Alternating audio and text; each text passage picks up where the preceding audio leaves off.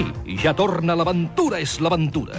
Per això necessitem que ens escriviu ràpidament una targeta amb el vostre nom, edat, adreça... És la veu de Josep Maria Bax, que avui ens ha deixat company, periodista, innovador en els formats que, que va poder tirar endavant no només aquí a Catalunya Ràdio, a molts dels mitjans del nostre país, especialment TV3.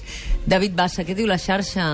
Doncs la xarxa que està bullint aquest matí molt amb l'Antoni Maria i Margarit i amb moltes coses. Sí. Ara mateix el tema Bax està, està fent... Està Que tothom, pujant. Tothom té records. I, exacte, i la majoria de piulades són piulades eh, recurrents amb un punt de motiu, com per exemple l'Arnau que diu tanquem la paradeta. Sí. Sí, unes moltes, saps? O l'Isma Martínez que diu quantes tardes amb el Philip Rim que hem passat.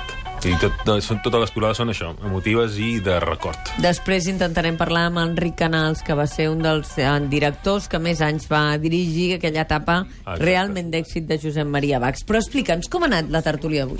Doncs mira, doncs, si eh, d'en Bax fa bullir l'olla, doncs també la fa bullir, com deia, amb Badia i Margarit, i sobretot Podem, Podemos. I és que avui també la tertúlia ha estat una tertúlia més aviat molt crítica en Podem. Vaja, que tenim uns tertulians més aviat desafectes amb l'organització d'en Pablo Iglesias. Una organització que, així d'entrada, en Ferran Saez li ha negat la condició de partit. Un pim-pam, tu.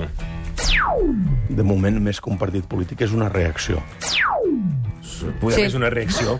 I prou, no, en López Borniol hi ha afegit revolució. Vaja, que seria una reacció revolucionària, tot i que l'Enric Vila hi ha volgut posar una mica d'aigua al vi revolucionari.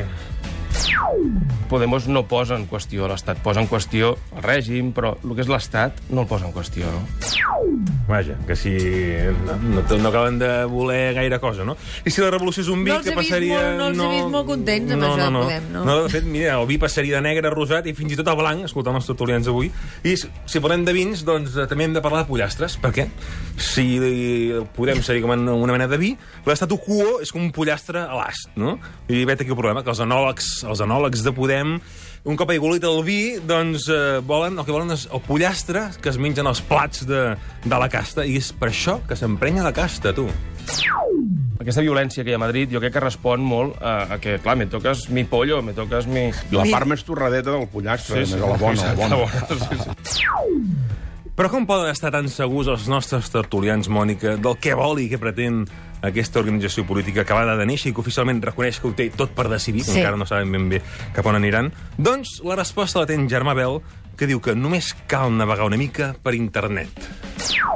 Pablo Iglesias té massa youtubers sobre les coses que pensa.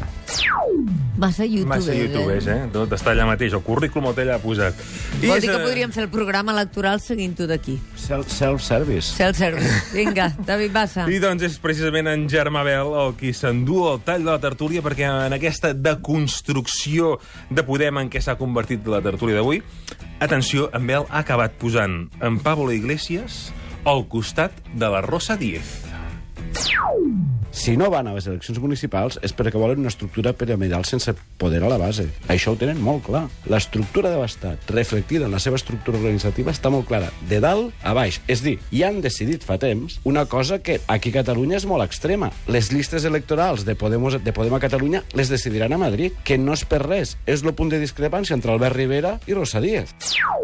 Què t'ha quedat, què quedat per dir, Mireia Giral, que abans ha dit eh, volia intervenir i no ha pogut? Sí, tantes coses, no deixar clar que s'hauria de puntualitzar o els polítics ara jo considero que és el moment en què pensin que estan treballant per persones, que estan al servei de les persones i de, i de, de la ciutadania, no?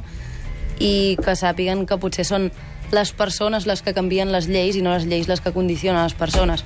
Gràcies, Mireia Giral, per ser aquí, Enric Vila, Germà Bel, Notari López Borniol, Ferran Saez, David Bassa. Fins ara. Fins ara.